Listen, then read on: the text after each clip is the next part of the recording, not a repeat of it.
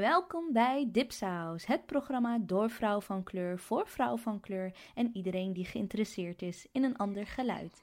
Ik ben Mariam Masloui en wij zijn weer terug in 2018 met een bonusaflevering.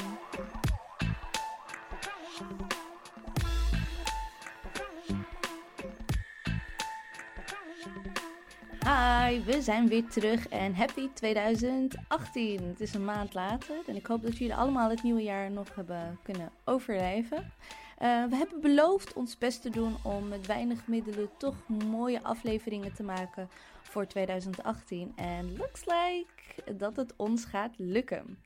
En we kick off met een geweldige bonusaflevering in samenwerking met OneWorld. Want ik weet niet of jullie het hebben gehoord, maar OneWorld heeft een nieuwe hoofdredacteur. En dat is niemand minder dan onze lieve dipsauser Saada Noorhoesen. Dipsaus werd uitgenodigd door OneWorld om het interview op te nemen met elf schrijvers van het boekenbundel Zwart.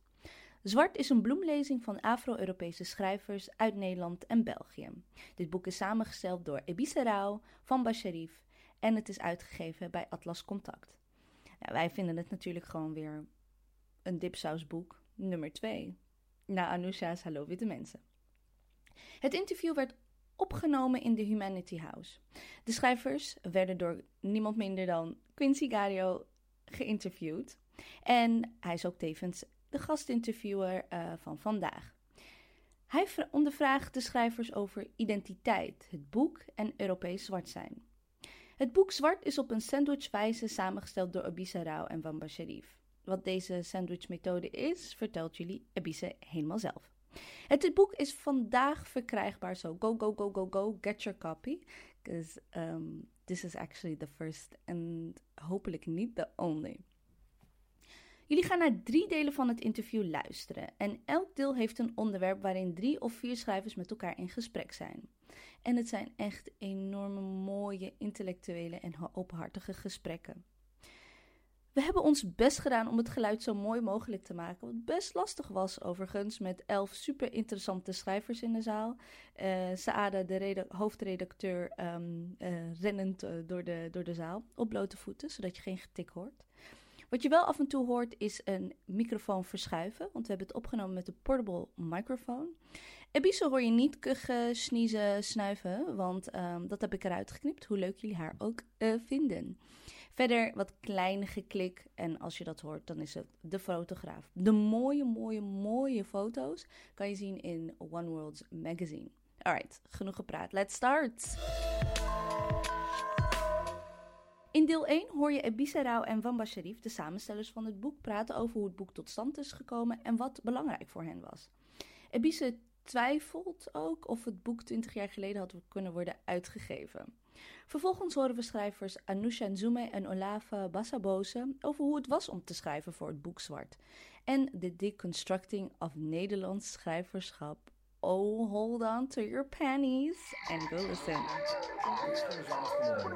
En hoe vonden jullie nou, die moet een kort verhaal schrijven, die moet een beschouwing schrijven, die moet een fictieverhaal schrijven. Hoe werd die keuze gemaakt? Nee, we hebben geen keuze gemaakt. Nee, dat is, dat is gewoon uh, in de mail dat... Oh, by the way, dit, dit, boek is, wordt gepubliceerd bij Atlas Contact. En Atlas Contact had mij gevraagd om Precies. dat boek uh, überhaupt samen te stellen. En het idee was eerst om... Uh, zwarte Afrikaanse uh, schrijvers. Een mix van buitenlandse, internationaal en Nederlandse te doen. Dus eh, de bedoeling was dat we ook gewoon um, vertaalde literatuur of niet vertaalde literatuur echt uh, recht te kopen en samenstellen. En dat was dus this whole idea of de sandwich methode heet dat in uh, het boekvak. Ja. Sandwich? De sandwich methode waar je onbekende schrijvers sandwich tussen bekende schrijvers. Dus bepaalde uh, short stories van bekende schrijvers zouden dan het begin en het einde zijn. Maar gaandeweg, uh, tijdens het tweede gesprek, werd mij gevraagd van waarom gaan we niet alleen maar Nederlandstalige schrijvers doen. Toen dacht ik van oké, dan ga ik... Uh, eerst vond ik het best wel een challenge, dacht ik van oh my god. Maar toen dacht ik van ik ga er gewoon voor en als we genoeg namen hebben, dan gaan we door. Zo is het eigenlijk ontstaan. En toen hebben wij, toen wij de auteurs gingen benaderen, ze mochten gewoon doen wat ze wilden. Het kon een kort verhaal zijn of het kon een non-ficties essay zijn. Geen poëzie? Nee, omdat ik gewoon geen, daar geen verstand van heb, eigenlijk. Ik kan het niet beoordelen. Ja, ik, ik hou heel erg van poëzie. Ik lees ook poëzie. Maar Dat was niet het idee, toch? Nee, het was ook Nee. om, om eh, proza onder aandacht te brengen. Ja. En ik vind poëzie echt een ander tak van sport. Ja. En de afbakening voor de schrijvers. Het is heel duidelijk, het heet zwart. Mhm. Het gaat over Afro-Europese literatuur in de lage landen. Ehm, hoe zijn jullie gekomen tot ehm, de Afrikaanse Europese diaspora, maar dan wel sub-Saharaans? Hoe is die keuze gemaakt? Dat was ook een keuze die eigenlijk aan het begin van het alle, allereerste gesprek eigenlijk, toen wat ik met Atlas Contact eh, voerde, ze wilden per se black writing. En eh, toen ik zei van, maar er zijn ook soorten mensen in, in Noord-Afrika, Mm. werd het ja, maar dan, dan wordt het, ze, dus ze snapten de discussie niet echt. Eh, ik weet niet of dit gewoon ook om- naar buiten mag. Zeg ik of niet way? Just staying here. Censuur. Ze, ze snapte niet waarom ik dat belangrijk vond, because of also dat hele pan-Africanism van we kunnen niet een soort van dat scheiding dat er al is tussen Noord-Afri- Noord-Afrika en Sub-Saharan Afrika wilde ik niet. Maar ze zei, ze, toen werd ook gewoon gezegd van maar er is al heel veel aandacht voor North-African writing in, in het Nederlands. Laten we gewoon concentreren op de stemmen die nog niet, die nooit aandacht krijgen, bij Ja. wijze van spreken. Dat is, daarom is het eigenlijk zo afgebakend. En, en Vanda, jij hoort bij deze groep schrijvers, je Ja. zit in Groningen. Ehm, hoe was het voor jou? Nou, voor mij vond ik het eh, uniek eh, dat eh, voor het eerst aandacht werd besteed aan Afro-Europeanen. Dus ja, ik, ik, dacht, ik ga niet alleen eh meehelpen om die stokken te lezen, maar ik wilde ook bijdragen. Ja, het is een unieke kans. Het is, ik denk dat wij het verdienen hier om onze stemmen te laten horen. Eh, er zijn heel veel, talenten en dat hebben we gezien bij eh dat is de samenstelling. Ik heb eh, verhalen gelezen en ik dacht, wauw, dat in Nederland zulke talenten al die jaren wonen en we hebben niks van, van ze gehoord. Eh, het is gewoon echt een verlies voor, voor het land, een verlies voor, voor de wereld. Dus ik, ik, ja, ik heb zelf een verhaal gelezen van een van die bijdragers. Ik, ik was zo onder de indruk dat ik meteen ging gewoon, eh, gewoon naar de e-mail en dan heb ik mijn enthousiasme meteen gedeeld. En ja, en, eh, ja, ik weet niet of ik mijn namen kan noemen, maar dat was het verhaal van Olave. Ik vond, ik vond, het, ik vond het heel bijzonder. Ja, en eh, dus, er zijn talenten. Kijk, al die mooie mensen, mooie schrijvers en goede schrijvers hier. Dat heeft echt Nederland nodig. Dan gaan we meteen over naar Lave. Is dit jouw eerste literaire bijdrage? Of het eerste moment dat je je toont als schrijver aan Nederland? Nou, dit is zeker de eerste keer dat ik met zo'n eh, met zo'n geweldige samenstelling van schrijvers eh, gebundeld word, zeker. Ehm, ik heb wel een bepaalde geschiedenis van schrijven eh, op, of ja, meer politiek schrijven voor artikel 1. hè. Ik was een van de kandidaten. Eh, Kamerleden eh, in de verkiezingen. En, eh, maar ergens dacht ik altijd, ja, ik weet, ja, het is de eerste keer eigenlijk, ja, moet ik zeggen. Ja. Want dat was toch ook een andere soort van schrijven, een soort eh, politiek schrijven, maar de person is political, toch? Dus dat is ook wel. van daaruit schrijf ik ook en schreef ik ook. En dat heeft toch op de een of andere manier. ja, met name Ibiza en, en Gloria Wekker geraakt. En zo werd ik benaderd hiervoor. En dan in het, in het stuk wat je geschreven hebt, komt heel duidelijk ook naar voren een soort van eh, verschil tussen ervaringen hier in Nederland Mhm. en eh, wanneer je teruggaat. Ja. Ehm, kan je vertellen de keuze die je gemaakt hebt om dat in, in zulke treffende bewoordingen neer te zetten? Oh, wauw. Ja. Ehm, ja, wat kan ik daarover zeggen? Eh, kijk, ik heb altijd de gedachte gehad dat, tenminste, ik word ouder en besef nu meer en meer dat soort diasporische ervaring is er ook eentje die verweven ligt in heel veel verlies en, en de rouw eromheen. En een verlies bijna van, ook wel van waar je toe behoort en wat je thuis is. Ehm, en met, met soort van daarover te schrijven, creëerde ik toch ook wel in dat schrijven een soort van thuis. Een soort van herkenningspunt voor mezelf en misschien voor anderen. En, en ik denk schrijven voor mij in ieder geval heeft inderdaad veel te maken met dat wat we allemaal verliezen als, als diasporische mensen. Het kan taal zijn, het kan cultuur, het kan, eh, het kan eh, eh, verbinding, het kan kennis zelfs zijn. Hè? Als ik nu kijk naar hoeveel van wat ik in Burundi, toen ik daar terug was, zeg maar, realiseerde dat ik daar helemaal niks van had meegekregen qua zo'n culturele kennis en, en, en, en, en, en, en, en capaciteiten en competenties. Ja, dat, dat, dat, dat is een verlies. Dus ja, vandaar dat het toch wel voor mij een belangrijk thema is in mijn schrijven. En uh, naast jou zit uh, Anusha Nzume.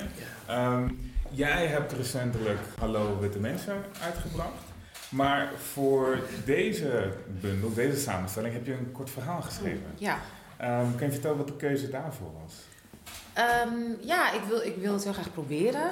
Ik dacht, oké, dus ik heb met Ebice gesproken, die was ook mijn, uh, mijn uitgever, ook natuurlijk uh, voor, uh, bij Hallo Witte Mensen. Van, goh, zal ik het proberen? En ze zei van, weet je, ik, ik, het is niet mijn expertise, maar try it. En ik, we zullen gewoon in ieder geval heel eerlijk zijn. Uh, dus ik was heel blij dat het door de selectie afkwam. Hè, want het was natuurlijk ook een soort selectieprocedure. Um, en uh, helaas heb ik niet... Moest die keuze worden gemaakt. Dus was niet, jammer genoeg, mijn redacteur. Uh, maar um, het, het, ja, ik vond het heel spannend en heel eng. En ik wilde juist iets, ik, iets kleins...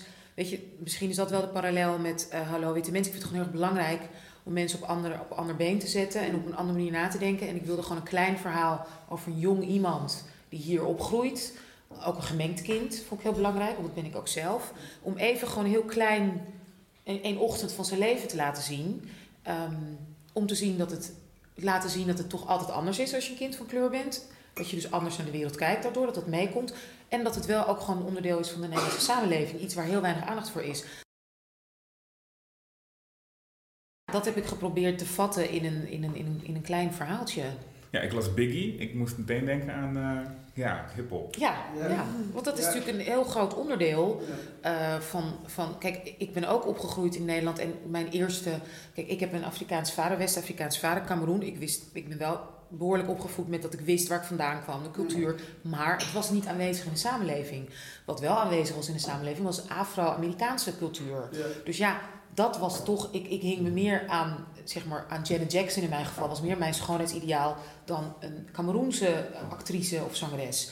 Dus dat wilde ik ook laten zien, dat dit kind in, deze, in dit verhaal is ook half Afrikaans, ook half Cameroens. Maar heeft, ja, zijn rolmodel is eerder zwarte hip-hop artiesten uit de Verenigde Staten bij gebrek aan beter. Terwijl hij wel dingen weet over zijn vader. Dat culturele identiteit, inderdaad, wat Olava ook zei, is zeker als je opgroeit heel erg belangrijk om je te spiegelen.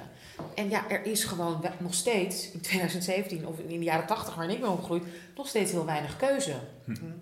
Dus jullie zijn eigenlijk de nieuwe voorbeelden voor de volgende generatie? Ik hoop het. En ik hoop ook heel erg, nou ja, of nieuwe voorbeelden. Kijk, ik ben heel goed, ik, je weet, ik was heel goed bevriend met Clark Akkoord. Een van de hè, grote bestsellerschrijvers mm. in Nederland. Een Surinaamse, Afro-Surinaamse schrijver.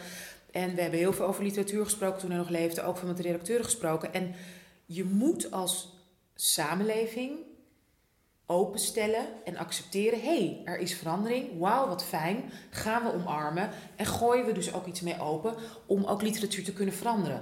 Dat is nog steeds niet gaande. Nee. Dus dat is zo lastig. Wij moeten inderdaad deuren openen. In plaats van dat wordt gezegd van... oh, er, zijn zo, er is zoveel meer mogelijk, kom erbij. Dus ja, we, we moeten nog steeds uh, hè, een voorbeeld zijn. Mag ik ook even iets toevoegen, tenminste een vraag stellen, omdat ik het al weet, omdat we het met elkaar hebben besproken. Je wilde ook een bepaalde manier van schrijven. Uh, je, wilde, je, wilde, je had gezegd dat je een dat standaard manier, uh, manier van literatuur schrijven wilde je gewoon daarvan af. Je wilde, ja. Ik wil dat je daar iets meer over vertelt. Nee, er is inderdaad een soort, inderdaad als we het hebben over Nederlands schrijverschap, is dat, is dat heel erg gekaderd. En is het nog steeds, weet je, schrijf je wel zoals Reven of schrijf je wel zoals uh, ja, W.F. Hermans. Ja.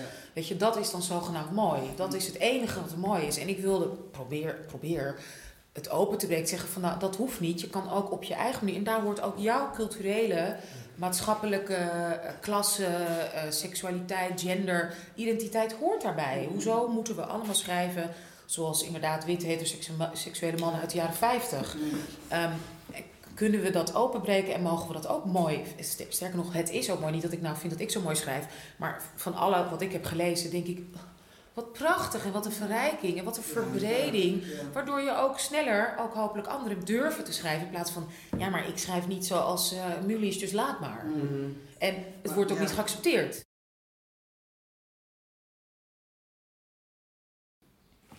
En dan wil ik terugkomen bij, bij Olave.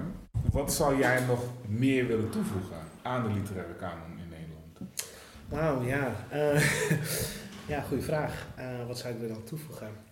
Ik denk misschien ruimte gewoon een speelruimte voor. voor maar weet je, voor mij in ieder geval, mijn gewaarwording van hoe literatuur, de gatekeeping mechanisms, heeft heel veel te maken met welke verhalen zijn relevant, welke verhalen en welke vertellers over die verhalen zijn. En de methodes inderdaad zijn van waarde. En dat, die constructies zijn meestal dus ook heel erg uitsluitend. En waar ik heel erg, ik ben heel geïnspireerd door Toni Morrison bijvoorbeeld. Hè. Die heeft echt een hele interessante schrijfstijl neergelegd van dat poëtische, dat jazzgevoel, dat, dat, dat, dat ritmische. En, en dat vond ik zo'n verademing en zo interessant om, om, om daarin ook wel een stukje herkenning en ruimte te vinden. En dat zou ik wel willen, aan bijdragen. Om dat gevoel van, hé, hey, uh, ik kan mijn verhaal manier vertellen. En ik kan een hele andere soort verhaal hebben. Weet je, bijvoorbeeld dat hele cynische, in de Boeroendische traditie heb je ook een bepaalde verantwoordelijkheid tegenover de persoon die een verhaal vertelt. Hè? Dus uh, je draagt die persoon en dat, dat, hele cynische en soort van pessimistische houding tegenover uh, het leven als een soort van ja, like civilized notie van, uh, van intelligentie of zo, daar kom je niet mee weg in de Burundese traditie bijvoorbeeld. Hè? Mm. En dat vind ik heel interessant. Hoe creëer ik een nieuwe relatie? Of laat ik zien dat je andere relaties kan hebben tot je lezers bijvoorbeeld. Uh, nou ja, heel veel. Ruimte, ruimte, dat wil ik. Ja. Ruimte, ruimte, verdieping, verbreding en um, geen goedkeuring meer nodig hebben van inderdaad uh, gatekeepers of powers that be, dat iets wel of niet geaccepteerd is. Het lijkt gewoon nog steeds in, in heel veel landen, in westerse landen, dat als inderdaad de powers that be zeggen, oh, nu, oh hip-hop is nu wel popmuziek of zo, mag nu wel op 3FM, dan, dan, wordt het, hè, dan, dan krijgt het opeens een andere status. Mm. En um, ik, ik ben heel trots om mee te mogen werken aan een boek dat gewoon zegt, hé, hey, dit, dit is het, klaar. En ik vond, ja, kan ik ook Wat ik ook heel erg leuk vond aan dit project ook, is dat je niet het gevoel had dat er een soort van hiërarchie, een soort van. Uh, uh, dat je, anders had ik waarschijnlijk ook eruit gestapt. Want dat vind ik heel eng. En, en ik maak me daar ook zorgen over dat je dus in die ruimte creëert, dat je nog steeds like, graviteert naar gradaties van wat is nou beter en, ja. you enzovoort. En ik hoop dat het inspireert, uh, in ieder geval.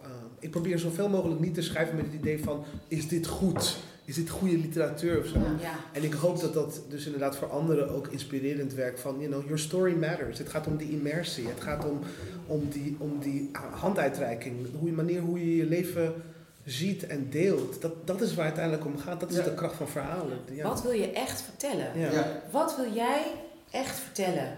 En doe dat. Vertel wat jij wil vertellen. En de vorm komt allemaal wel.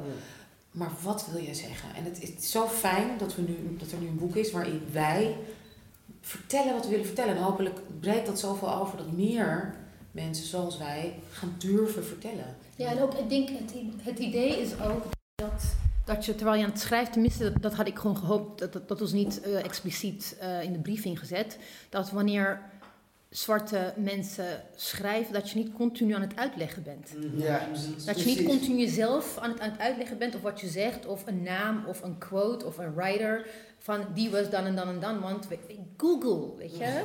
Dus dat, dat, oh, dat, wilde, dat, ik vond het ook gewoon belangrijk dat mensen gewoon vrijuit kunnen schrijven, zoals uh, carefree writing, wat, wat een, een, een doorsnee, mediocre... Ja in uh, Franse quotes schrijven. Iets in het Latijn wordt ook nooit vertaald. Ja, iets in het Latijn wordt niet vertaald, iets in het Duits wordt niet vertaald. Ik, ik, al die quotes in essays, ik weet niet waar het is, ik google het ook niet. Het interesseert me ook gewoon niet. Dus that's what I wanted to say. Maar we zijn dus nu op een kritiek moment in de geschiedenis waarbij zo'n boek ook mogelijk is. Wat, was dit mogelijk tien jaar geleden? Ik weet het niet. Ik denk het niet. Ik denk, ik denk het ergens niet, omdat het heeft ook te maken met, ja, this is it's going to be such a complicated uh, discussion, want het heeft ook te maken met publishing, the economics of publishing. En op dit moment zijn uh, African writers huge, gewoon in in publishing world. Uh, in de jaren 90 was dat Indian writers je had echt uh, Writers of Met Indian. woorden gaat het veranderen. Dat weet ik dus niet. Nee, ik, weet het niet. Het gaat veranderen. Het gaat, nee, ik denk dat het een unieke periode is in, in de geschiedenis van de mensheid. We hebben een zwarte Amerikaanse president gehad. We hebben uh, binnenkort een redacteur, een zwarte redacteur One Word. We zien veranderingen. Dus echt, dit is onze toekomst. Ik Ja. zeg het. Ik, ik geloof er gewoon in. Ja, maar- echt. Nee, maar het is niet dat ik er niet in geloof, maar ik denk, eh when it de, de interest vanuit het boekenvak is ook omdat het ook een hype is. Laten we daar gewoon even eerlijk over zijn. Maar de zaak is om ride the hype, maar ook zorg ervoor dat je something that you put you put something lasting out there.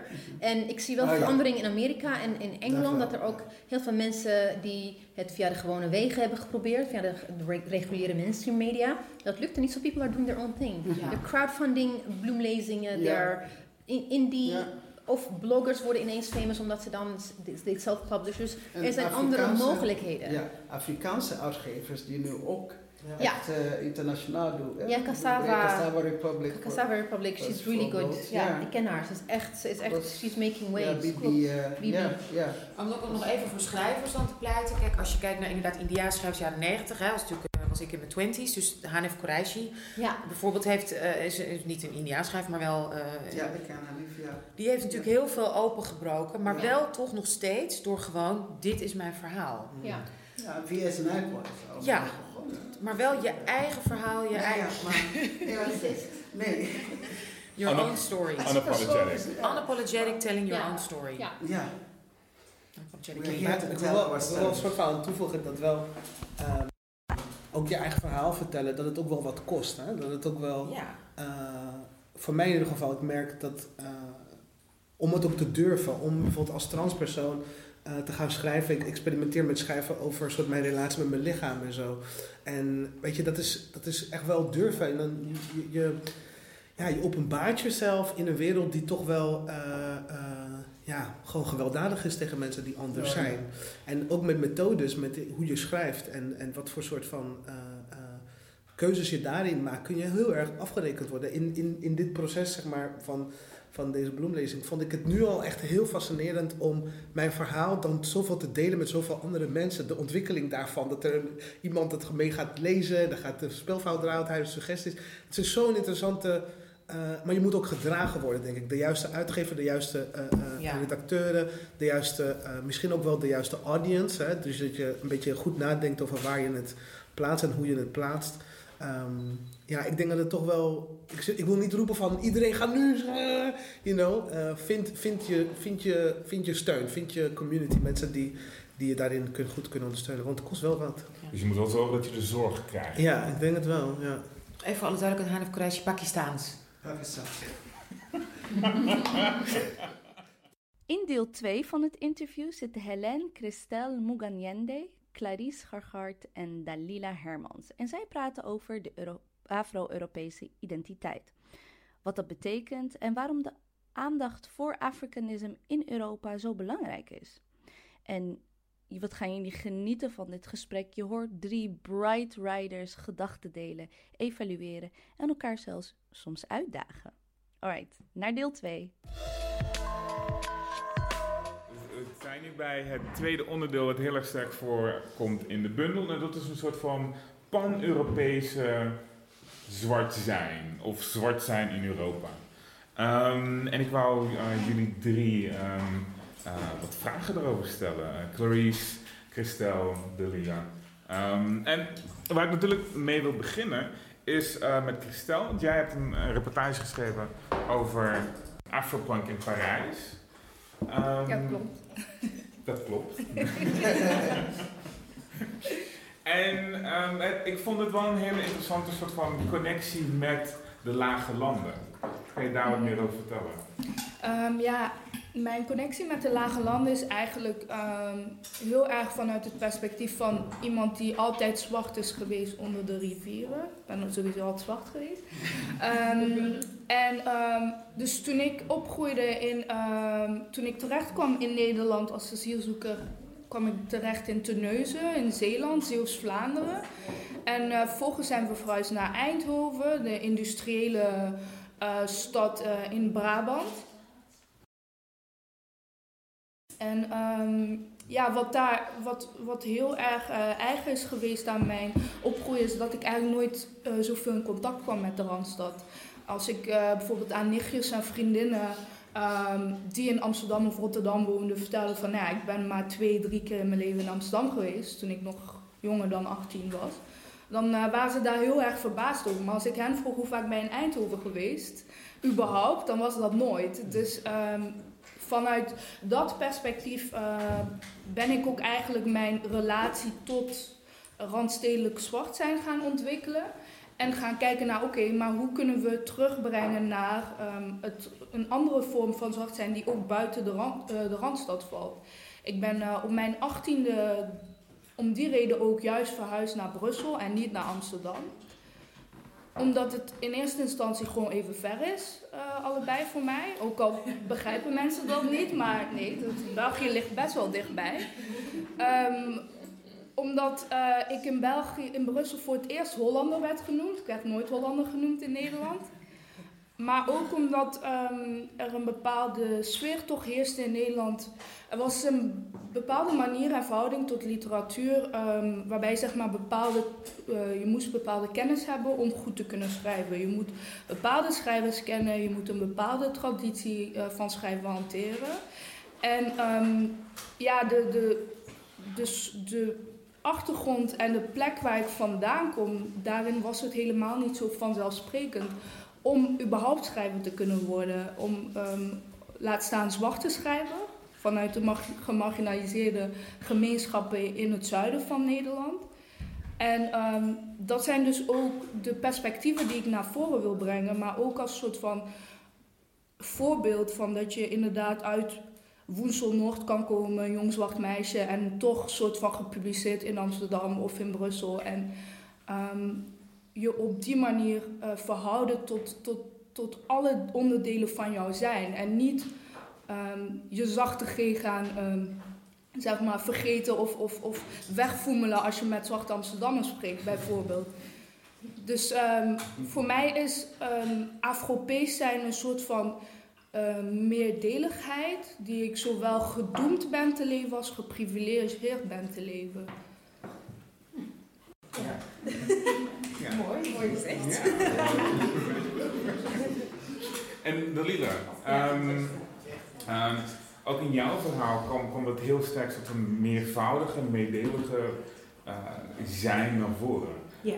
Um, kan je een beetje vinden in uh, ja, mijn, mijn situatie is misschien, um, ik weet niet uniek, want ik weet niet, ik ben niet in de achtergrond, maar ik ben zelf geadopteerd. Dus mijn ouders zijn wit. Mijn uh, dorp waarin ik terecht kwam waren ik en mijn zus en nog twee andere geadopteerde kinderen de enige buitenlanders. Dan hebben we zelfs geen Marokkaan, natuurlijk niks. Dus ik ben echt in een hele witte omgeving uh, opgegroeid. waardoor ik me ook heel lang niet, niet zwart voel. Het is echt een proces geweest voor mij om zo mijn identiteit erin te vinden. Um, ik heb op een bepaalde leeftijd in de puberteit contact gekregen met mijn biologische familie, waardoor ik dan wel die link voelde, maar ik voelde me daar ook helemaal niet uh, op mijn plaats natuurlijk, want ik had nooit uh, een Afrikaanse gemeenschap gekend. Ik had ook geen Afrikaanse vrienden. Ik had niemand zwart rondom mij, buiten mijn zus die juist dezelfde ervaring had. Dus um, dat is echt voor mij een, een, lange zoektocht geweest naar mijn identiteit. En um, wat, ik, toen ik de vraag kreeg om een stuk te schrijven voor het boek, was mijn, mijn go-to is zo'n beetje een activistische soort van pamflet schrijven, want dat doe ik in het, in het dagelijks leven heel vaak. Um, maar ik dacht, nee, dat verhaal is wel gekend. Mensen weten wel hoe dat ik denk over, uh, over racisme, over de structuren in de maatschappij, over discriminatie. Uh, maar heel weinig mensen waar ik vandaan kom, weten over mijn echte relatie met mijn zwart zijn. En hoe dat, dat ook een heel groot onderdeel is geweest van mijn zoektocht naar wie ben ik en naar uh, uh, de weg naar volwassenheid. Waar ik nog lang niet ben, maar go in there. um, en ik uh, dus ik ben echt in mezelf gaan graven voor dit boek. Om, om, om zo dat on, nog eens opnieuw te onderzoeken. Van hoe, hoe denk ik nou over? En denk ik nog vaak aan het feit dat ik zwart ben? Voel ik me nog altijd... Um, ben ik nog vaak heel bewust daarvan? Uh, en ik dacht eerst, nee, helemaal niet, want uh, I'm all grown up now en ik heb kinderen en ik heb, en ik heb intussen wel heel veel zwarte vrienden en, en wel een goede band met mijn biologische familie, dus die struggle is voorbij. En dan dacht ik aan de ene moment bij de, bij, de masseur, bij de maar ook aan heel veel andere momenten als ik in een zwembad kom. Of als ik, op plaatsen waar echt mijn huid heel zichtbaar is, voel, ik nog altijd ik sta in brand, mensen zien mij. Ik, ik ben, dat blijft een problematische relatie. Terwijl ik voor de rest helemaal geen onzeker persoon ben. En ook echt trots ben op mijn roots en, en, en mezelf ook best wel oké vind en mijn huid ook mooi vind. En toch blijft dat zo een heel gecontesteerde, moeilijke eh, relatie. En daarom dat ik dit stuk heb geschreven, omdat ik dacht van dat is een verhaal van mij dat niemand kent. Ehm, want ik ben het zelf nog maar aan het ontdekken. Ik ben zelf nog bezig met, de, eh, met het zoeken van hoe zit dat nou eigenlijk. En ik heb ook gemerkt dat ehm, heel veel uh, van wat ik doe in het dagelijks leven is, is zo mijn eigen brand of activism is een beetje zo uh, via, mijn, via mijn verhalen en verhalen van anderen tonen aan een hele grote um, witte gemeenschap die daar heel veel weerstand tegen heeft, proberen daarop in te breken en proberen duidelijk te maken van dit is waarom we bepaalde zaken moeten aan. Dus, het is heel vermoeiend. Hè? Dus elke mm. keer hele kleine stapjes zetten en heel lief en voorzichtig en met heel veel begrip voor de ander. Um, en dat lukt aardig, voorlopig. En we hebben last my mind yet. Maar ik, maar ik voel wel dat dat aan de andere kant echt niet komt. Dat het heel moeilijk is om uh, van, andere, van, van witte mensen of van, van de mensen in mijn omgeving te vragen... Oké, nu, nu moet jij even empathisch zijn. Nu moet jij even luisteren. En nu moet jij even kijken naar hoe dat ik als moeder erin sta. Bijvoorbeeld als het over uh, Sinterklaas gaat. Dat, dat, dat het veel veel moeilijker is om anderen te overtuigen van mijn verhaal, omdat ze mij niet echt zien als. Ehm, omdat ze mijn zwart zijn bijvoorbeeld, ofwel negeren en zeggen ik zie dat niet, dus het is geen issue, want wij zijn allemaal maar mensen. Uh, of met als zwarte bewust niet zien en zoiets hebben van ja, maar uh, de connectie is er niet. Um, dus dat is voor mij sowieso een, een constante zoektocht naar um, hoe kan ik mijn, mijn sanity houden, uh, empathisch zijn, proberen toch mijn plaats te claimen en toch um, aandacht te vragen voor mijn issues, mijn leven, mijn verhalen. Versus hoe kan ik ook voor mezelf een plaats vinden en, en, en voor mezelf een goede relatie hebben met mijn hele um, zijn. Dat is een beetje het gevoel dat ik heb. Mm, en dan, als we, als we kijken naar jouw verhaal. Ja. Um, dat is ook een hele interessante connectie met um, waar je nu zit, waar je naartoe gaat, waar je over nadenkt, over je verleden, hoe dat allemaal samenkomt. Um, kan je vertellen hoe jij dan dat verhaal wilde plaatsen binnen deze bundel? Ja, uh, misschien even goed om kort te vertellen wat mijn verhaal dan is. Mijn verhaal, uh, het is eigenlijk een fragment uit het boek dat ik schrijf, Drakendochter, uh, waarin ik mijn familiegeschiedenis belicht, met als achtergrond de Liberiaanse burgeroorlogen. Mijn vader die heeft voor vele regering, Liberiaanse regeringen gewerkt.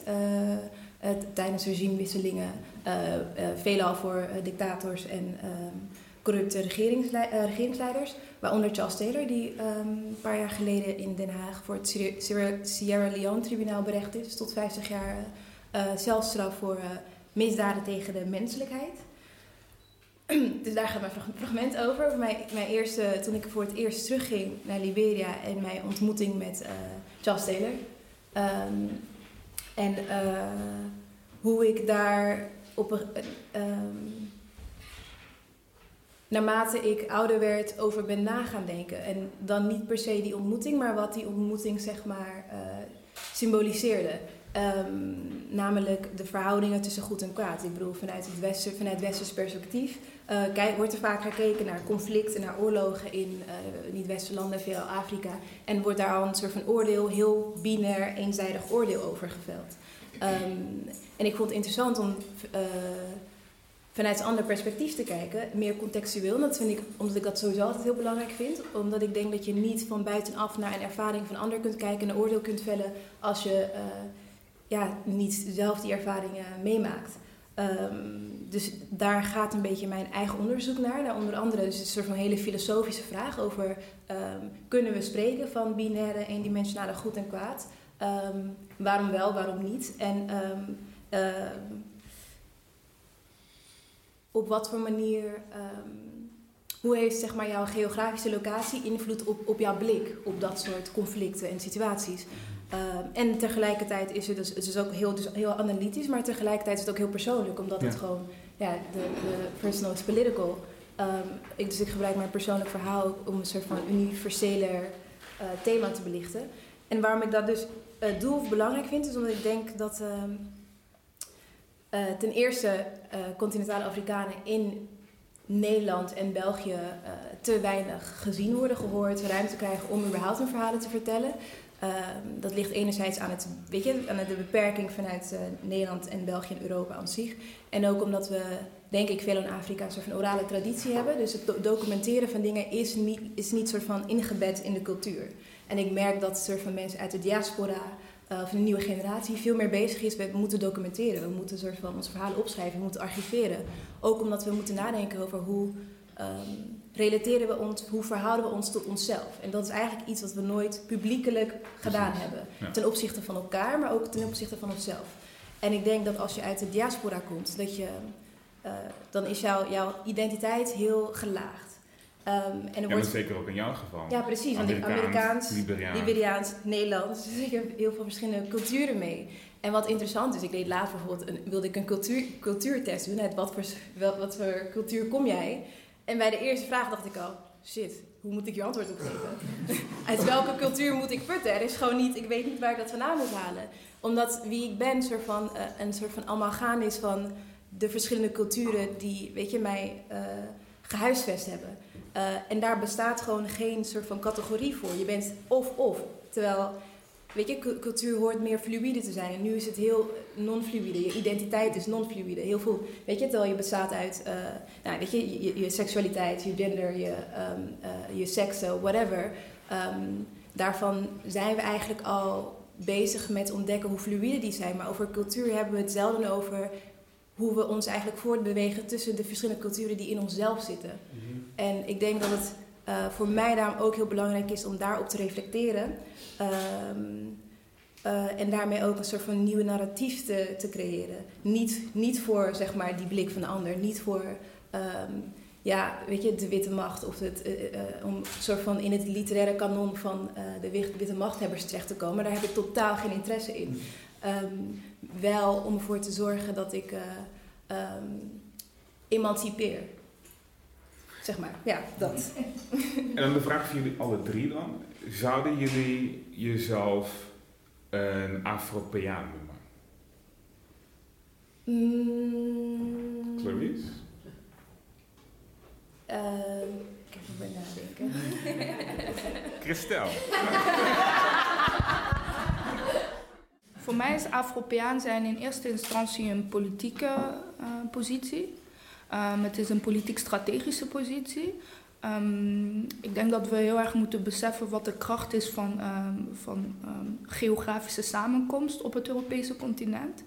Uh, dat we heel hard bezig zijn, vaak als uh, diaspora van Afrikaanse mensen, met kijken naar wat de Afro-Amerikanen aan het doen zijn. En zij kijken niet wat wij aan het doen zijn. Um, en dat is nu meer en meer aan het veranderen natuurlijk. Maar dat heeft ook grotendeels te maken met het feit dat we steeds meer met onszelf bezig zijn. En hoe wij onszelf kunnen verrijken en hoe wij kracht kunnen putten uit onze eigen uh, geografische realiteiten en de uh, tradities die we daarin uh, hebben opgebouwd. Um, een heel concreet voorbeeld daarvan is dat bijvoorbeeld toen ik naar België verhuisde, ik, um, ik ben drietalig opgevoed, dus ook Franstalig van huis uit. En toen ik naar Brussel verhuisde, wilde ik mijn Frans dus ook gaan verbeteren. En een van de dingen die in Brussel opvalt is dat uh, taal heel erg uh, klasse ge, uh, bepaald is taal uh, bepaalt macht. Ik heb uh, als zwarte persoon in Brussel, omdat ik tweetalige ben, een hele andere positie dan uh, bijvoorbeeld mijn Franstalige neven en nichten die gewoon in Brussel geboren of getogen zijn. Als ik een gemeentehuis of een bank binnenloop, dan weet ik dat ik in het Nederlands moet beginnen om beter en sneller geholpen te worden. Mm. Um, of in het Engels.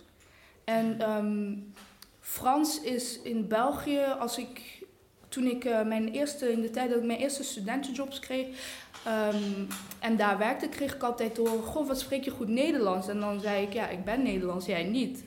Het is heel soort van um, interessant hoe dat uh, uh, vaak witte Vlamingen de associatie van zwart zijn hebben met Franstalig zijn.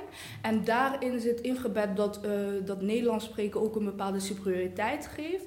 Uh, waardoor je um, ehm, een wonderkind bent als je Nederlands spreekt, terwijl er gewoon heel veel Nederlandstalige zwarte mensen zijn. Maar ook ehm, representeert het dus een nabijheid tot wit zijn.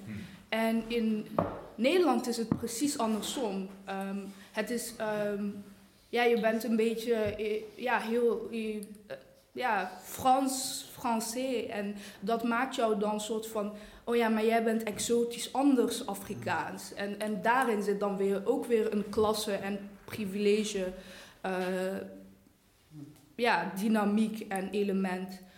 Dus ik denk dat om al die, ja, om al die klasse-elementen af te gaan breken, die plaatsvinden binnen al die taalbarrières en al die cultuurbarrières die bestaan op het Europees continent, dat we uh, strategisch gezien uh, politiek samen moeten gaan komen als uh, Afropese mensen op het Europees continent. Juist. Wauw.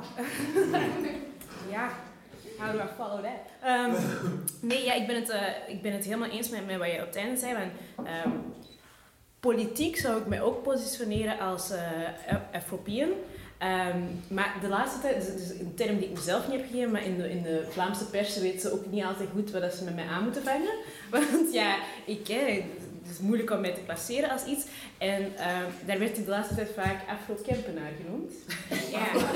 ja, ik ben dus van de Kempenstreken. En ergens is dat iets, een term waar ik echt goed mee kan leven. Want die, die Afro, dat omvat het. Hè. Afro, ja natuurlijk, ik ben Afrikaanse roots, ik ben zwart, ik ben, dat heeft mij helemaal gevormd. Uh, en de Kempen is echt de context waarin ik ben opgegroeid. En ik, ik heb een, tijdje geleden meegewerkt aan een grote enquête in, in, uh, in Vlaanderen Generation What. Ik denk dat het trouwens in Nederland ook is gebeurd. Uh, waarin de 18 tot 34-jarigen uh, werden bevraagd over alles, over hun visie op het leven en zo. Uh, en daaruit bleek ook dat um, die leeftijdscategorie zich het felst identificeert, niet met Vlaanderen of België of Europa, maar met de streek of de stad waar ze vandaan komen. Mm. Omdat daar, ja, daar ligt je hart, dat ja. is, daar heb je een gevoel bij. Dus ik heb nu zoiets aan Afro-European of Afropean ja. politically, ja. Afro-Kempenaar van België. Ja. en ik, ik, ik herken dat ook omdat um, ik, zou me, ik zie mezelf echt als een echte Brusselaar, maar ik zal me nooit of te dimmer Belg noemen. Voilà. Uh, ja. ja, terug bij Clarice. uh, ik moet denken aan, uh, hoe heet het ook alweer? van het Ghana ga weg? Hoe heet dat? Thijs Selassie. Was hij het niet die zei, zeg maar, don't ask me where I'm from, ask me where I'm local? Ja. Ja, dat is hoe ik erover denk eigenlijk. En uh, ik denk dat, wat, wat uh, Chris net ook zei, dat het voor, uh, wat jullie beiden zeggen, dat het op strategische wijze en weet je, politiek gezien handig is als handvat om jezelf een soort van identiteit als European toe te schrijven, of toe te wijzen. Um, maar ik denk gevoelsmatig, op soort van echt identitair vlak, is het niet soort van iets waar ik me mee vereenzelvig. Uh, juist omdat wat ik eerder ook zei, mijn, mijn culturele identiteit zo fluide is. En, um, en ik persoonlijk ook soort van een aversie tegen bunkerbegrippen heb.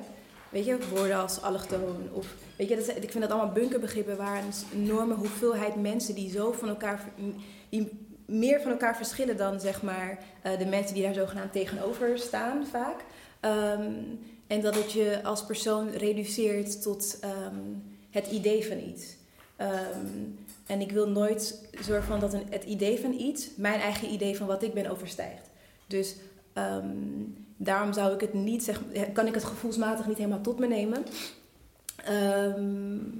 Uh, ook omdat ik, als ik Everpien zeg, ja, ik bedoel, ik, ik, ik ik kom uit Nederland, ik ben hier opgegroeid. Ik ga wel eens naar andere Europese landen, maar zoveel uh, contact en feeling en um, interactie heb ik niet met andere uh, Afro-Europese mensen in andere landen. Dus ik denk dat het, dat begrip voor mij ook niet echt is gaan leven, omdat ik denk dat we nog heel erg op zoek zijn naar waar we local zijn en dat, wat dat voor ons betekent, voordat we überhaupt een soort van um, kunnen oversteken naar de andere kant en uh, dat met elkaar kunnen vergelijken. Ik denk wel dat we een begin aan het maken zijn met deze bundel bijvoorbeeld. Dat we echt, ik bedoel, het is voor het eerst dat er überhaupt zo'n bundel is. En dat je dus ook echt kan kijken hoe, oké, ja, je kijkt naar hoe verhoud ik me tot mezelf, maar ook hoe verhoud ik me tot, uh, nou ja, weet je, uh, mijn buurman, vrouw, meisje uit Ghana, Nigeria, Rwanda, noem maar op.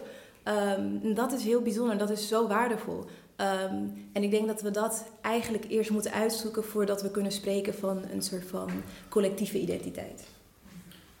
Mag ik er een vraag over stellen? Want uh, ik vind het wel interessant dat je dat zegt. Want of we het nou leuk vinden of niet, we are Europeans. Ja. Culturally. Ja. Dus, dus ik denk niet dat we misschien gevoelsmatig is misschien een andere scheiding dan uh, culturally we are European. We're, I mean, I'm more European. I would like to think I'm Ethiopian, maar ik ben al heel, meer dan twintig jaar niet in Ethiopië geweest. Tenminste, ik, ik leef daar niet. En ik ben zeker geen Amerikaan.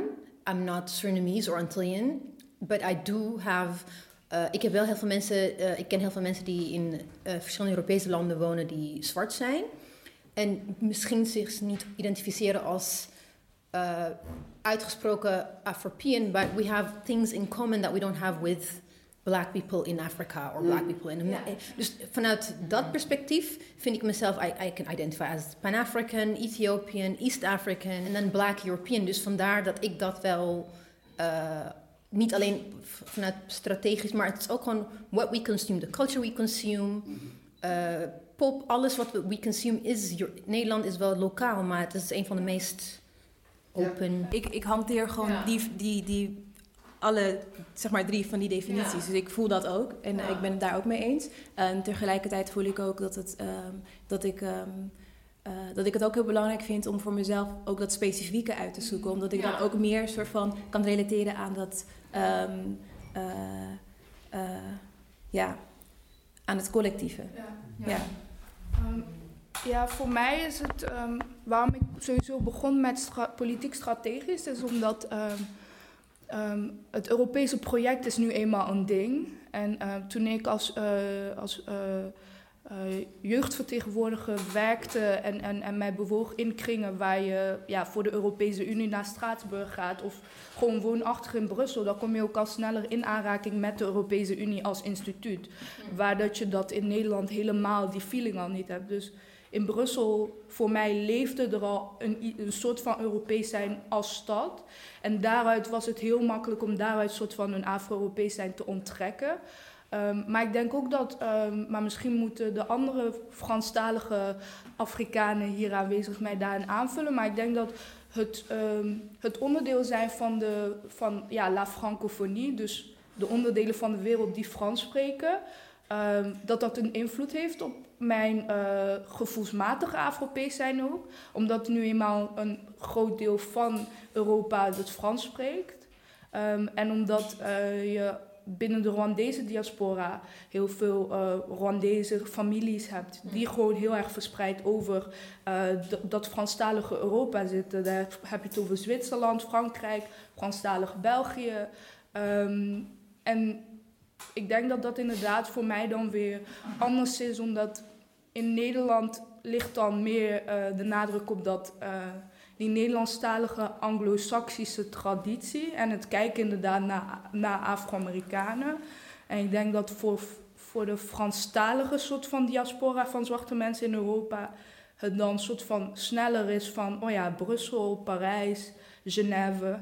Ehm, en dat dat niet eh soort van exotische Franse plekken zijn, maar gewoon ook daadwerkelijke plekken waar jij dan ook thuis, eh, daadwerkelijk thuis komt en dan daarin dan je Afropees zijn vindt, omdat niet per se, eh, omdat ze heel erg aan elkaar, die plekken ook heel erg in hun Franstalig zijn, dus in hun Afropees zijn, ook heel erg aan elkaar gelinkt zijn op die manier of zo. Ja, denk ik ook. Gezien mijn, eh, mijn achtergrond is de afro in het stuk identiteit eigenlijk te vervangen door zwart. Want voor- ik, ik identificeer mezelf gewoon als een zwart persoon. Niet per se als, ja, ook wel als Rwandees. En, en dat zit er wel ergens. Maar omdat ik op heel jonge leeftijd geadopteerde, is, bij- is voor mij de link altijd geweest andere black people. Dus of dat die nou in Noorwegen wonen of in Spanje. De, de- wat ons linkt is de, is de black experience. Ehm, dus voor mij is, is dat het stukje waar ik mij wel heel hard... En waarom ik ook begin met, voor mij is afro dat eh, overheerst. Afro-camper, ik zal het altijd voor- vooraan zetten. of Afropeer, maar, maar ik bedoel daar eigenlijk mee zwart. Dus dat kan voor mij evengoed een, een, een donkere Surinamer zijn of, of iemand met wie ik eigenlijk helemaal geen eh, geografisch, cultureel, eh, gemeenschappelijk ding mee heb. Maar voor mij gaat het meer om de gedeelde ervaring van in een minderheid te zijn ehm, die daar zich heel bewust moet zijn van hoe dat hij eruit ziet. En het zijn die ervaringen meer die dat mij zo ehm, dat gevoel geven. Ik wilde toevoegen wat, wat gewoon zo interessant is nu als je kijkt, als je kijkt naar onze hè, Afrikaanse ervaringen en ook de koloniale ervaringen, dat er nu dus ook een taalstrijd gaande is, hè, of een taalstrijd, een koloniale strijd, hoe die nog steeds gaande is in, eh, nou ja, nu in Cameroen tussen het Engels en Franstalig gebied. En hoe dat dus, hoe hè, mensen zo ongeveer bijna van gewoon één volk nog steeds tegen elkaar wordt uitgespeeld en tegen elkaar strijdt. En dat, eh, dat zijn natuurlijk, het is nog steeds een neocoloniale strijd. En hoe taal daarin ook gebruikt wordt en cultuur, opgelegde cultuur, gedwongen cultuur, gebruikt wordt nog steeds om te blijven onderdrukken. Dus hoe ontzettend, weet je, dit gesprek is wat betreft voor mij ook, dat is voor ons denk ik, voor ons allemaal, is, dit zijn gesprekken die we bijna niet hebben. En die we bijna ook niet voelen met elkaar, niet in een veilige omgeving, niet in een, weet je, Ja. eh, die bijna niet naar buiten komen, waar dus er geen belang aan wordt gehecht, maar wat, wat een invloed dat heeft op de wereldeconomie, polit- hè, geografische politiek, maar dus ook op ons allemaal, eigenlijk ook als individuen, ook in wat we wel of niet kunnen maken en zeggen. Dus ja, dat wil ik even nog zeggen. Dat is nu op dit moment, ja, nou ja, denk ik in, in veel van onze landen gaande. En hoe, is- wauw. Hoe fijn dat we dit met elkaar over Nee, nee, ja, ik vind het, en dat is eigenlijk precies wat ik bedoel, is dat, met, dat het dus niet leest vorm, omdat het natuurlijk als je zeg maar ehm sec afgaat op eh, geografische locatie en achtergrond, ben ik inderdaad FRP en daar ben ik het, wat EB zei, daar ben ik het ook helemaal mee eens. Alleen eh, ehm, ben ik zelf altijd meer op zoek naar een soort van eh, de, de betekenissen dingen. Dat ik ben daar, eh, ehm, ehm, ik vind het heel belangrijk om na te denken over wat dingen voor mij specifiek als persoon betekenen en hoe ik me tot mezelf en anderen verhoud. En omdat we het eigenlijk nooit over onze culturele identiteit te hebben, laat staan onze Afropean identiteit, eh, is het heel lastig om daar ehm, ehm, vo- volledig mee te kunnen vereenzelvigen.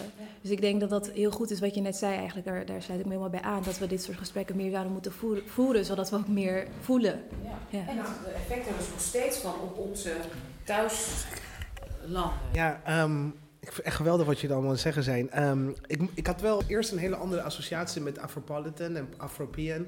Ik heb het veel meer in het begin, toen ik dat dus begon te lezen en te zien en, en te horen, dacht ik eigenlijk, voor mij connecte het met een idee van een soort opdracht tot subversie. Want wat je zei, ook dat koloniale verleden, doet me denken aan het feit dat we dus heel veel van onze eh, communities, gemeenschappen hier naar Europa zijn gebracht soms en zijn gekomen. En dat die idee van integratie vooral een idee heeft van, ja, je bent een soort van kloppend deel van een lichaam en dat moet zeg maar synchroniseren met de rest. En vooral de handen, we deden het werk hè, en doen nog steeds ook vaak het werk. En, en dat idee dat we een soort van, ja, soort van donors zijn, transplantanten zijn getransplanteerd in de Europese realiteit. En we moeten een soort van mee gaan doen.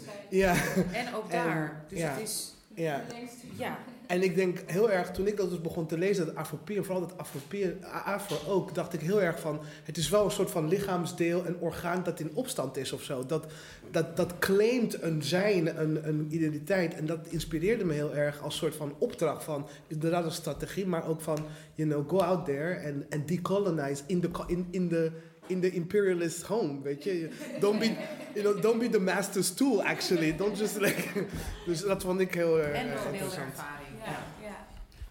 Ik kan het niet zo mooi verwoorden als Olave, maar ik, voor mij denk ik, en Anousha benadrukt het, het zijn gesprekken die we moeten voeren. Ik moest denken aan een Franse president die die in Ouagadougou was. Want het is een traditie. Elke Frans president die aan de macht komt, moet dan zijn visie op Afrika geven. Dus dat heeft hij dan ook gedaan. En dan had hij een hele ja, schaamteloos eigenlijk pleidooi voor de Franse taal. Het is uw taal, maak daar wat van. Eh, u bent daarom. U, u, en ik denk van ja, wat een. Ja, ik, ga niet schelden, maar het nog steeds een neocoloniale manier van denken. Eh, en ik denk, natuurlijk heeft het ons grote schrijvers geleverd.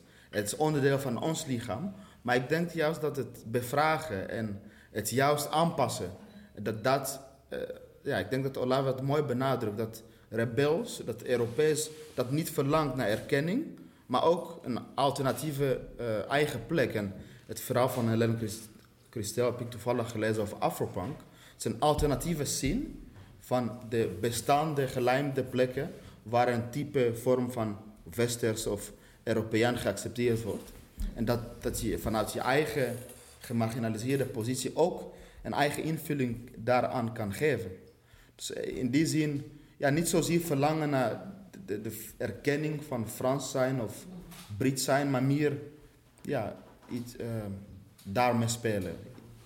Um, ja, ik wilde nog even terugkomen op uh, wat uh, Dalila daar juist zei over uh, het afro of het zwart zijn. Um, ja, ik ben het zeker sowieso met je eens op het vlak van blackness en, en hoe, dat of hoe dat inwisselbaar is met afro. Alleen ik merk dat ik in het, in het dagelijkse debat over racisme in Nederland, in Europa en België steeds meer moeite heb met het woord black als specifiek. omdat ik merk dat het niet genoeg specifiek is. Ik merk dat het makkelijk kaapbaar is.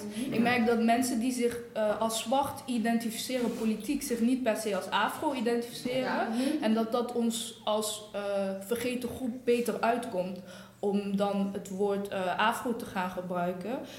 Um, ik merk dat black culture, omdat het zo hevig beïnvloed is door Afro-Amerikaanse narratieven, Um, dat het ook beïnvloed is door de one-drop rule of de, de, het, het, de zienswijze van wat zwart zijn is in Amerika. Mm. Terwijl zwart zijn in Europa andere dingen betekent en, en, en ook nog eens andere dingen binnen de verschillende natiestaten. Um, vooral vanuit de UK-traditie van uh, political blackness um, merk ik dat uh, politiek zwart zijn of allochtoon zijn, de, de, de paraplu-termen um, ervoor zorgen dat, dat uh, Afro-Sub-Saharaanse mensen en hun afstammelingen heel erg um, verdwijnen in het, uh, in het debat uh, over racisme. En dan even naar de voorgrond treden als het gaat over Zwarte Piet en daarna weer verdwijnen. Um, en daar heb ik moeite mee. En daarom dat, ondanks dat ik qua gevoel uh, wel eens ben met uh, blackness en, um, en zwart zijn en afro zijn als inwisselbaar.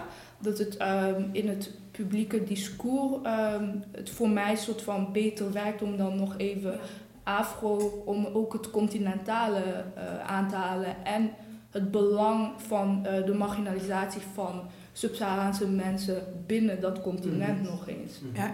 Ah, ik, ik snap helemaal wat je bedoelt en ik volg het helemaal.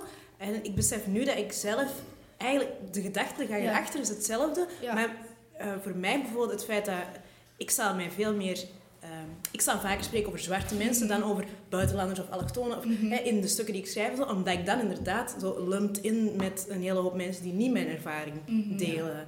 En zwart in België is sowieso continentaal, terwijl zwart ja. in Nederland is uh, ja. Afro-Caribisch, is, is iedereen die zich als zwart identificeert en daar zin in heeft. En ja. dat is heel verwarrend. Ja. Sorry. Nee. Laatste toevoeging? Ja, gewoon een kleine toevoeging daaraan. Ik, kleine toevoeging daaraan. Zeg maar alleen al het feit dat als je continentaal Afrikaans bent, uh, de assumptie wordt gedaan dat je Surinaams of weet je wordt gevraagd, oh, ben je Surinaams, ben je Antilliaans? Nee, en wat dan? Als er voor niks, weet je, verder, there's nothing else than that, you know? What could you be? Zeg maar. Dus um, alleen uh, dat, dat toont aan dat uh, uh, continentale Afrikanen zo onzichtbaar zijn, ook binnen in de zwarte gemeenschap zelf. Dus ik denk dat, dat, dat je daar ook een soort van emancipatoire beweging in ziet komen, met onder andere zo'n um, bundel die noodzakelijk is om een soort van um, te differentiëren tussen de verschillende soorten zwart. Want het, weet je, het is niet omdat je dezelfde huidskleur deelt dat het op alle gebieden dan allemaal soort van uh, um, uh, alles hetzelfde is. Dus ik denk dat het belangrijk is om dat uh, zichtbaarder te maken. En persoonlijk doe ik dat bijvoorbeeld door um, in alles wat ik schrijf, in de columns die ik schrijf ook, um, deskundigen te gebruiken met een uh, ja, niet-westerse afkomst, maar veelal continentale Afrikanen. Omdat heel veel mensen, het literaire kanon is zo breed, divers, uitgebreid, intellectueel, um, uh, uh, vanuit Afrika. En heel veel mensen weten dat gewoon niet. En ik denk dat je daarmee ook nieuwe narratieven creëert en perspectieven blootstelt, die juist heel soort van um, vernieuwend kunnen zijn. En we zijn helaas aangebroken bij het laatste deel van het gesprek, deel 3. En daar zitten twee Afro-Belgische schrijvers. Afro-Belgisch. Ja, nou laten we de termen meteen toepassen. De schrijvers Melat Nikoussi en Helene de Beukelare praten over Vlaams versus Nederlandse schrijverschap, de verschillen en hoe zij zich daartussen navigeren. Kiza Magendane schrijft ook aan en die heeft het over het Nederlandse to the point schrijven en over zijn helaas gesneuvelde metaforen. Oké, door naar deel 3. We zijn aangebroken bij uh, het derde deel van het gesprek vandaag. Um, en um, het is een Nederlandstalige collectie van teksten, maar met zowel in Nederland gebaseerde schrijvers als schrijvers in België. En moet ik dan België zeggen of moet ik Vlaanderen zeggen? Wat is Helene? Ja. Heb je toch mijn naam verkeerd uitgesproken? Helene. um, het is België, omdat wij uit, ik heb mee dat komen uit Brussel. Sabrine die, en Uzizwe die er ook in staan, komen ook uit Brussel. Brussel is de hoofdstad van België. Niet Vlaanderen, dus België, maar wel Vlaamstalig. Brussel is ook wel de hoofdstad van Vlaanderen. Ja, dat ook. Alhoewel, we kunnen daarover discussiëren. Hè? Hoezo kunnen we daarover discussiëren? Uh, ja, Antwerpen is soms uh, die rol op. Gent probeert. Brugge wil wel, maar het kan niet. Uh, zoiets, ja. Willen maar niet kunnen. maar als we het hebben over um, Nederlandstalig, dan is het eigenlijk niet Nederlandstalig. Het is ook Vlaamstalig. Mm -hmm. um, hoe was het proces met de redacteuren? Niet gemakkelijk. Mm. Bij mij viel het wel mee, omdat ik heb literatuur gestudeerd. Dus ik heb heel veel Nederlandse boeken gelezen van Nederlandse auteurs. Dus ik ken ook wel, ik weet hoe dan Nederlanders schrijven. En Vlamingen zeggen vaak dat ik een Nederlandse manier van schrijven heb. Wat heel raar is, want ik voel mij helemaal niet Nederlands of zo. Uh, maar er waren toch wel een paar Vlaamse uitdrukkingen waarvan dat ik dacht, die zijn heel gangbaar en heel het Nederlands taalgebied kent die. Uh, maar waarvan dat de redacteur zei van ja, dit gebruiken we niet in Nederland. En vice versa, ook uitdrukkingen die in Nederland gebruikt worden, die ik helemaal niet ken. Um, altijd als ik in Amsterdam ben of in een andere Nederlandse stad, dan moet ik altijd zo nadenken van ah, wat bedoelen die eigenlijk en wat wil dat zeggen? Omdat er gewoon, we spreken dezelfde taal, maar we spreken ook andere talen op een bepaalde manier. En dat is, heel interessant, dat is heel boeiend. Um, en dat is een uitdaging ook als je schrijft. Nee, bij mij was het niet zo makkelijk. Ja, ik heb ook wel wat Nederlandse boeken gelezen, maar ik ben natuurlijk geen literaire... Uh, ik heb er niet zoveel kennis over en ik heb ook wel een zwaar accent, zoals je zult horen. Um, en dus in mijn tekst stonden er veel zo... Uh, ja, hoe zeg je dat? ja, gangbare termen die, die voor mij normaal zijn, die voor mij zeer veel beschrijven, zeer veel emotie beschrijven, die voor Nederlanders gewoon uh, niet, niet, niet, uh, ja, niet begrepen worden. Of als bijna, bijna extreem ludieke Vlaamse termen zijn. Dat stond letterlijk bij een van mijn dingen van... Ik had goesting gebruikt en dan zei, zei iemand van... Ja, dat is zodanig Vlaams, dat wordt als voorbeeld gegeven als iets dat zo een extreem schattig Vlaams woord is. Dus eh, doe je dat expres of is dat zo? En ik zo, nee, dat is niet expres. Goesting betekent iets voor mij. Goesting is goesting, dat zit diep in u, dat is het in uw ziel zo. Passie, ja. En dan... Maar ja, ik heb gewoon gezegd, uh, ook onder advies van EBC, van, uh, laat, laat het, alles, alles laat het gewoon zo. Ik heb een paar dingen aangepast zodat het verstaanbaar was. Uh, maar voor de rest heb ik het allemaal op zijn Vlaams gelaten. Kisa, in jouw verhaal um, schrijf je ook dat je het Nederlands had moeten leren. Um, dus hoe was het voor jou om dan een Nederlandstalige tekst neer te zetten in de bundel? Inmiddels schrijf ik in het Nederlands, maar het, het was een proces. En ik, ik merkte dat op omdat ik, ik vertelde een kwetsbaar verhaal over mijn vlucht vanuit Congo naar Tanzania en vanuit Tanzania naar Nederland. en um, welke hokjes je dan in terechtkomt. En voordat ik mondig kon zijn en allerlei extreme teksten in de ogen van sommigen op mijn Facebook kon plaatsen over zwart zijn.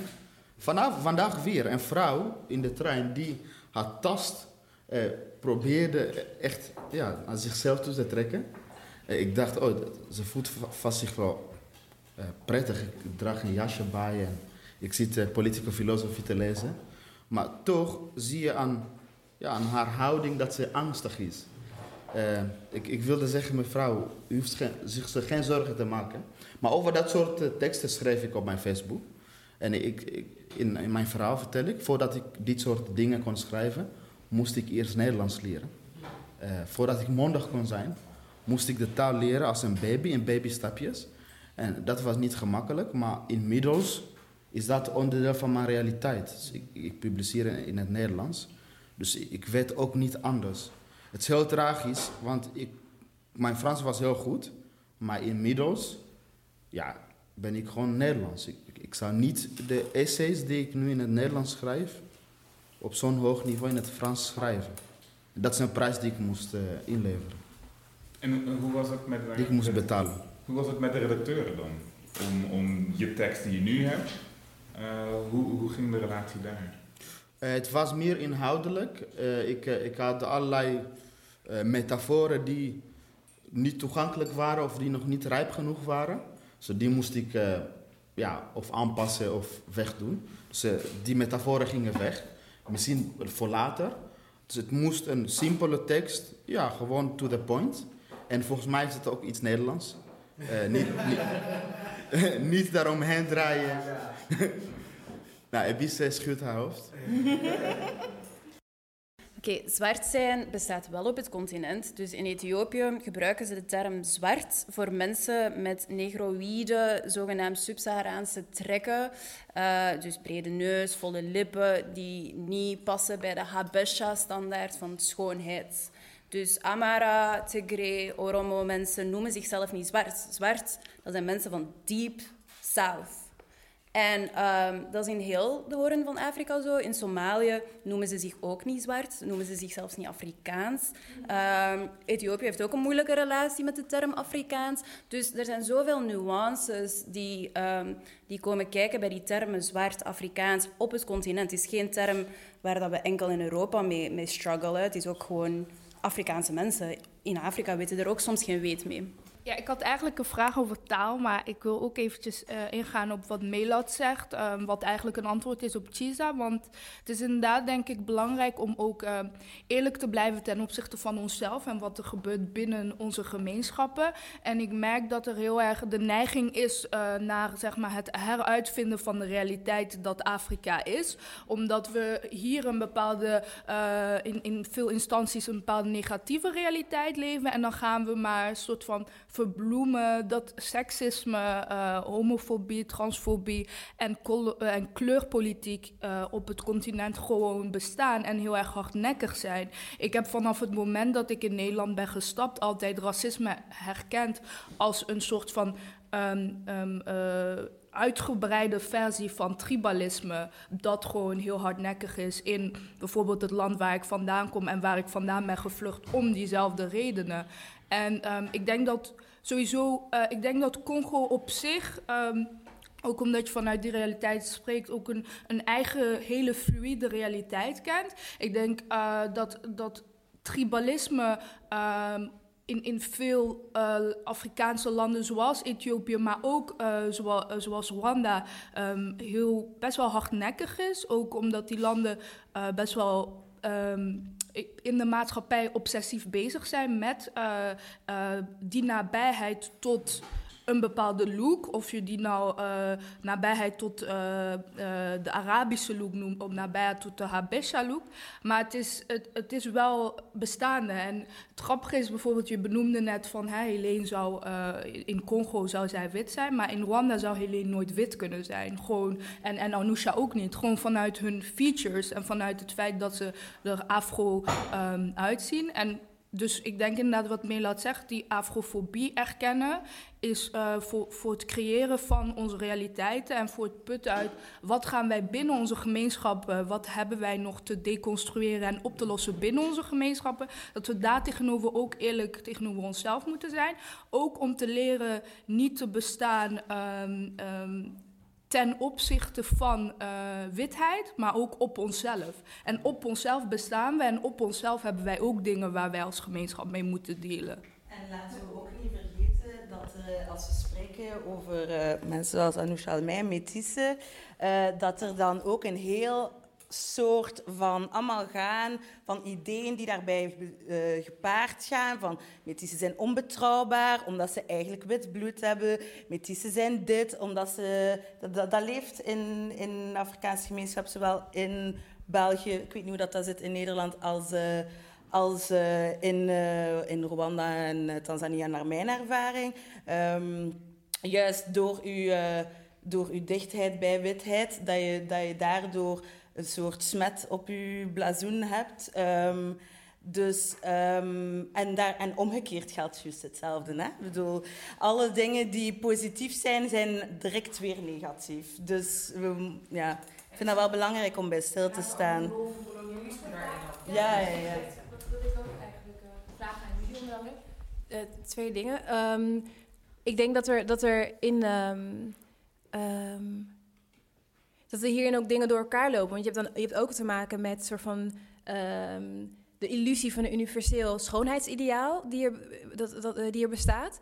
Uh, namelijk als je, nou, je hebt het net over nabijheid van uh, witheid, dat dat ook wordt gezien als iets um, wat je dan schoner maakt, wat je, wat je mooier maakt, wat je dan um, aantrekkelijker maakt. Um, dat dat ook heel erg heerst op het continent zelf. Dus hoe lichter je bent, hoe beter en hoe dichter je bij ja, wit in de buurt komt, hoe beter dat is. en dat leest ook eigenlijk, dat wordt ook weer soort van getransporteerd naar, naar de diaspora, want dat merk je ook hier in Nederland gewoon. Um, en ik denk dat we daar ook niet vaak genoeg over hebben, omdat er, dat het ook een andere vorm van privilege is. Een, uh, voldoen aan een bepaald schoonheidsideaal die gesteld is door, nou ja, weet je, noem het westerse superioriteit, op een bepaald moment in de geschiedenis waar um, eigenlijk overal ter wereld naar gestreefd wordt. En uh, ik denk dat dat hierin ook een rol speelt. Dus het is een hele soort van uh, ableist manier van kijken naar, naar mensen en gemeenschappen. Uh, en daarnaast, als het taal betreft, heb, heb, je dat ableisme ook. Want um, en dat vroeg me eigenlijk af hoe jullie daar naar kijken. Want ze hebben het over termen als, weet je, best wel academische terminologie die uitsluitend is voor bepaalde gemeenschappen of bepaalde mensen. Wat ik best wel inherent ableist vind, omdat je daardoor alleen maar mee kunt uh, praten, luisteren, doen als jij bekend bent met die termen. Die ook met, weet je, dat heeft ook met een bepaalde soort van uh, ja, leercapaciteit, uh, sociale klasse te maken, academische achtergrond. Um, en dat werkt ook uitsluitend. Ja, zeker interessant als je zo de termen Afropien is wel bijvoorbeeld een term Allee, je moet dan, bij veel van mijn vrienden moeten daar niet mee afkomen, want die gaan zo naar mij kijken van wat, waar komt jij mee aandraven? Gewoon zo, allee, dat is een, ja, een soort elitaire visie op wat dat zwart zijn in Europa kan betekenen. Zeker Afropolitanism um, is dat.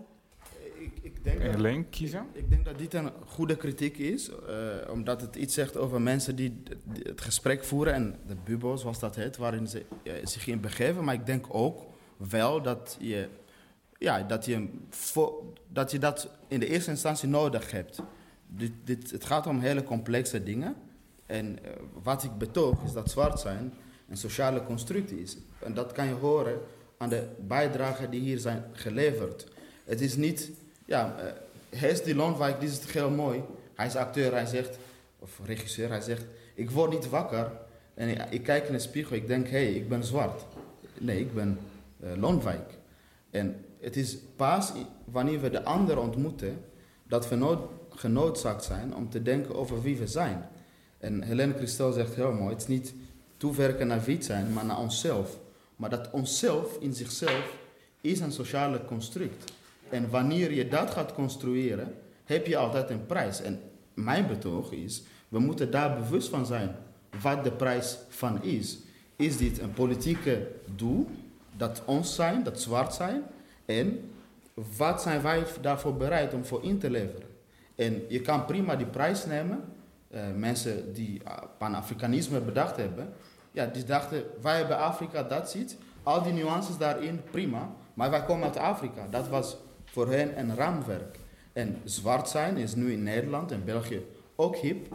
En ik, ik vind dat als jij denkt van, ik ben bereid om de prijs te betalen voor deze uh, sociale identiteit, dat, dat je daar prima mee kan leven. ik ben opgegroeid in een familie met hele sterke vrouwen. Die van zichzelf niet wisten dat ze feministisch waren. Maar het zijn eigenlijk allemaal stuk voor stuk feministen in hun acties. Die hebben niet de termen om, om te benoemen wat dat ze doen. Die kunnen niet Bell citeren. Die, die kennen die mensen ook niet. Uh, die, wij, hebben, you know, wij hebben academische kennis. Wij zijn intellectueel, of dat we het nu willen of niet. Wij zijn elitair. Maar we moeten ook erkennen dat er verschillende manieren zijn om feminist te zijn. Dat er verschillende manieren zijn om zwart te zijn. En dat je niet... Het is niet omdat je de termen niet hebt, dat je het niet bent. En uh, ik, ik, denk dat dat een uitdaging is. Hoe kunnen we een meer inclusieve terminologie hanteren die daar ook oog voor heeft? Mooi. En, en, nog een laatste van. Oh, nou, oh ja. ja toch. Nou, ik moest, ja, ik moest heel erg denken over taal. En een van de dingen die mij ook wel echt soort van nog steeds bezighoudt, is het idee dat ik nooit zeg maar echt in staat zal zijn om de Burundese uh, uh, uh, Kirundi goed te kunnen schrijven. Ik, ik, denk, ik heb het, het heeft me heel lang geduur, gekost. Het heeft echt, echt, veel pijn om te omarmen het feit dat ik nooit een Kirundese schrijver zal worden of zijn. En ik vind het ook heel interessant dat we het nu hebben over inderdaad het verschil tussen Nederlands en Vlaams schrijven. Uh, ook negritude, de Pan-Africanism enzovoort. Die stromingen van hoe de koloniale talen, zeg maar, een soort van, ja, ons, hè, dan komt zo'n Macron die dan zegt van, het is ook jullie taal inderdaad, weet je.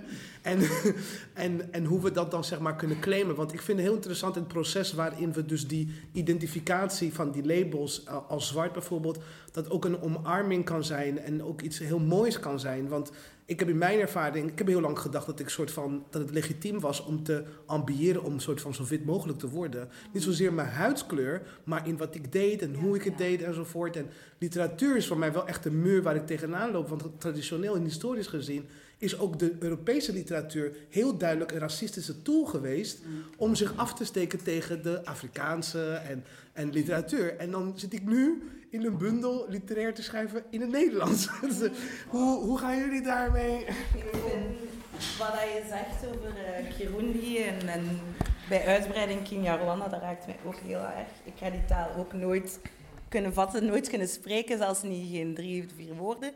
Um, dus wat je daarnet zei over diaspora zijn, is, is verlies. En heropbouwen, dat we, dat we dat verlies wegwerken door te schrijven, door dit boek te, samen te schrijven, was zo sterk voor mij. Dat raakte mij echt super hard. Um, ik denk, ja, dat was eigenlijk het enige wat ik wou zeggen. Gewoon als, echt, echt als appreciatie. Zo. En dat was hem dan, de eerste bonusaflevering van 2018 en sowieso de eerste audio van 2018. Um, ehm, we hopen dat jullie enorm hebben genoten, dat jullie het konden volgen en dat jullie geïnspireerd zijn geraakt um, door deze geweldige schrijvers. Um, Zwart, het boek is nu verkrijgbaar. Afro-Europese literatuur uit de lage landen, the first one and only. Ook wil ik onze gastinterviewer Quincy Gario bedanken. Dankjewel, Hanny, voor het interviewen en het proberen van on time beginnen en op tijd te eindigen. Ik weet dat het heel moeilijk was en quite the challenge. Um, daarnaast wil ik ook natuurlijk Saada bedanken um, voor een geweldige middag um, waarin uh, wij dit konden opnemen. Een heerlijke, uh, een heerlijke sfeer en een hilarische fotoshoot. Dus check out The One World magazine. De cover is geweldig. En daar vind je een uitgebreide interview en rapportage van, door Quincy Gario en Saada Norhoeze over deze geweldige schrijvers. Daarnaast willen wij Anne Jansen bedanken en Tim de Gier van Dag en Nacht Media, die ons hebben geholpen met het editen van deze aflevering. En we look forward to work with you guys. Alright, bye bye. Thank you.